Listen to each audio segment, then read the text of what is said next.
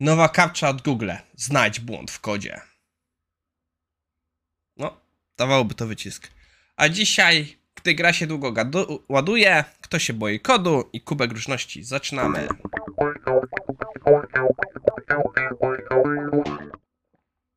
A więc dzisiaj drugi dzień mojego pobytu w Warszawie. Nagrania przygotowane wcześniej. Jestem aktywny w komentarzach.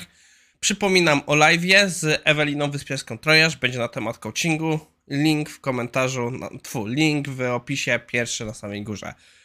Yy, no więc czas zaczynać. Naszym pierwszym artykułem na dzisiaj będzie ciekawa dyskusja na temat wydajności. A mianowicie dużo my rozmawiamy tutaj o różnych kwestiach testowania i bardzo często patrzymy z, wydajność z perspektywy głównie baz danych, tego jak są operacje wykonywane, ale rzadko kiedy patrzymy na wydajność z perspektywy y, samego ruchu sieciowego. Wiadomo, przy mobilkach się sprawdza te różne rzeczy, ale już w innych systemach niekoniecznie. I mamy tutaj piękny przykład gry, co się nazywa Guilty Gear Star Strife. Ja bardzo dużo grałem w jedną z pierwszych gier, chyba te Guilty Gear X, czy jakoś tak to się nazywało, która ma bardzo ciekawą sytuację, a mianowicie w Europie, w Ameryce potrafiła się ładować 3 minuty. No, z jednej strony, dobra, przyznam się szczerze, ja nie pamiętam gry, która mi się tak długo ładuje obecnie. Ym, wiadomo, już generowanie w jakiejś cywilizacji, świata i tak dalej, to się zdarza, ale to jest 3 minuty, żeby w ogóle wejść do menu. Ym, I to jest naprawdę ogromna ilość czasu i jak usłyszałem, to naprawdę się zdziwiłem. I jak się okazało, jak ktoś przyjrzał się pod spodem, to się dzieje, to się dzieje pod spodem yy, około 127 różnych zapytań API. I problem jest taki, że one były bardzo nieoptymalnie zaprojektowane. To, pewne rzeczy będę to uproszczał, bo ja też już nie pamiętam wszystkiego z technologii sieciowych. W każdym razie mamy różne warstwy i tak naprawdę pewne rzeczy można zrobić na bazie Keep Alive, czyli że pewne połączenie jest utrzymywane i tylko idzie wymiana po HTTP. Tu tego było nie zrobione i wszystkie te warpy, te warstwy CCP, TLS i tak dalej musiały zrobić za każdym razem zapytanie i powrót. Co powodowało, że jeśli potrzebowało się zrobić jedno zapytanie, to tak naprawdę pod spodem ta wymiana szła tak gdzieś, no, cztery, cztery razy, jak nie więcej. I w momencie, kiedy ten serwer, którym, do którym się łączymy, bo niestety nie ma europejskich serwerów, jest w Japonii, no to się powoduje, że mamy ogromną ilość czasu. I to, co autor stwierdził, że to tak przeciętnie wychodzi na pojedynczy call do API, wychodzi sekunda z hakiem. Przyznajmy się szczerze, jeśli pracujemy na środowiskach testowych, to czasami nas to nie zdziwi, bo niektóre środowiska testowe są bardzo wolne, ale jak na produkcję, to jest bardzo niski czas. I no, mamy piękną sytuację, gdzie no, serwery nie są przeciążone, a zresztą kto wie, czy nie są, bo przy takiej ilości coli to mogą być, a aplikacja działa klientom wolno. Co powoduje właśnie to, że autor powiedział, że no tutaj praktycznie to trwa 152 sekundy, czyli no prawie 2,5 minuty. I jego obejście spowodowano na tym, że on po prostu pewne rzeczy zrównoleglił, pewne rzeczy dodał Keep Alive, spowodowało, że zeszliśmy do 38 sekund. Redukcja rzędu, no, przynajmniej 3 razy, jak nie 4. No dobra. Jeśli zaokrąglimy, to możemy powiedzieć, że nawet 5 razy. Jest to bardzo duża redukcja i pokazuje piękną rzecz, którą trzeba czasami myśleć przy testowaniu, bo ja powiem szczerze, ja bym przy testowaniu jakiejś aplikacji nawet nie jestem pewien, jak poprawnie przetestować, jak ona się będzie ładowała w innych rejonach. Ja wiem, że mogę użyć VPN-a, ale z drugiej strony VPN daje dodatkowe nakłady u mnie i ja nie będę miał poprawnego wyniku. Hm. Będę musiał zrobić jakiś większy research na ten temat. Jak ktoś się orientuje, jak poprawnie się robi testowanie, jak jest z innych rejonów odbierana aplikacja, jestem ciekaw. Idziemy dalej.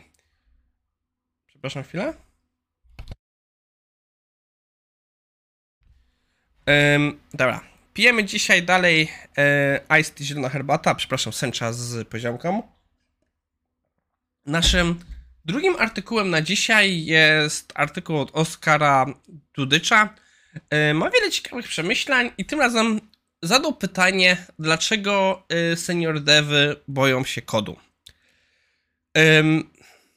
Ja bym, ja zrobię wam streszczenie artykułu, artykułu Oskara I później przedstawię, jak ja to widzę, bo tutaj ciężko mówić o tym, czy się nie zgadzam, czy nie zgadzam, po prostu mamy inne perspektywy. W dużej mierze Oscar zaobserwował pewną sytuację, że ma, jak na rozmowach rekrutacyjnych ma seniorów, to bardzo często nie radzą sobie z bardzo podstawowymi pytaniami, których rzekomo nawet wynik z Google'a powinien, pierwszy wynik Google'a powinien zawierać odpowiedzi. I oni nie radzą sobie z tymi pytaniami. Autor zaczął ostatnio trochę czytać jakąś ciekawą książkę na temat samopomocy, gdzie ogólnie takich rzeczy się trzyma z daleka, ale znalazł coś ciekawego. I opisane były tam dwa modele, po prostu, że osoby mają dwa spojrzenia na swój wzrost, że jest fixed i jest growth oriented. Czyli fixed my dążymy do konkretnej pozycji, do konkretnego celu, a growth oriented, że naszym celem jest po prostu rozwój. Ja bym powiedział, że jestem osobą z growth, mi zależy na moim rozwoju. Moim celem jest mój rozwój więc nie mam takiego prawdziwego end goala w głowie, ja po prostu chcę się rozwijać. I z jego perspektywy tam mówi o tym, że z tej książki wynika, że osoby z tego fixed, jak dochodzą do pewnego poziomu, to jest poziom, na którym chcą się zatrzymać i po prostu to powoduje u nich, że wtedy robią się na przykład, boją się porażek i tak dalej, bo to jest poziom, na którym oni chcą się zatrzymać, nie chcą spaść, nie chcą iść do góry.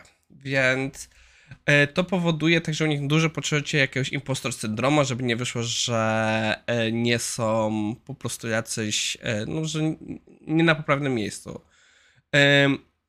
I tak się zastanawia autor, czy to właśnie nie z tego to wynika, że po prostu to jest perspektywa, która powoduje, że oni się zatrzymali w miejscu i się nie rozwijają i dlatego tak słabo wypadają na tych rozmowach.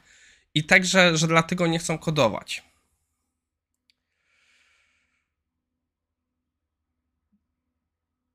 Okej. Okay. Przyznam się szczerze, e, nie wiem do końca, w którym miejscu tą dyskusję zacząć, bo um, widzę punkty autora, ale nie jestem pewien, czy się do końca z nim zgadzam.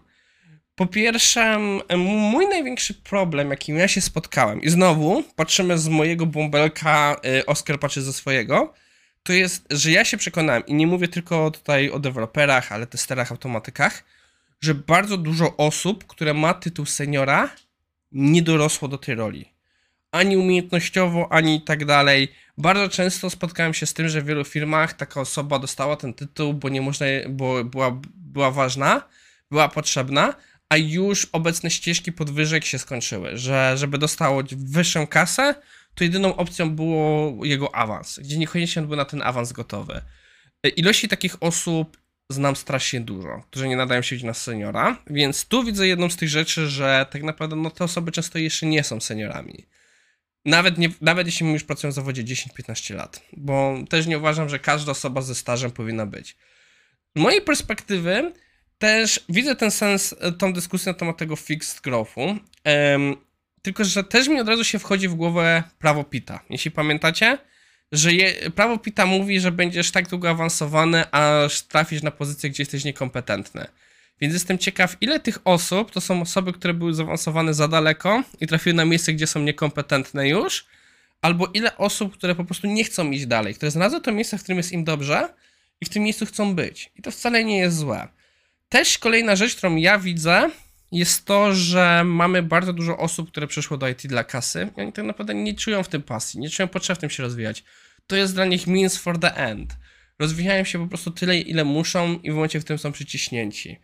Ale też zastanawiam się nad jeszcze jedną sprawą, tak mi chodzi po głowie.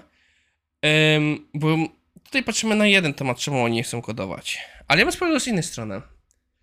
Ja lubię kodować, ja chcę kodować i mi sprawia to ogromną przyjemność, ale też wiem, że ten mój czas jest obecnie o wiele lepiej wykorzystany w innych miejscach. O wiele lepiej się sprawdza mój czas, kiedy pomagam innym ludziom odblokować ich ścieżkę, którym pomagam inne rzeczy robić. I ja tak naprawdę trochę boję się kodować z perspektywy tego, że ja wiem, że ja będę chciał to robić i ja po prostu będę później się frustrował, że nie mogę tego robić.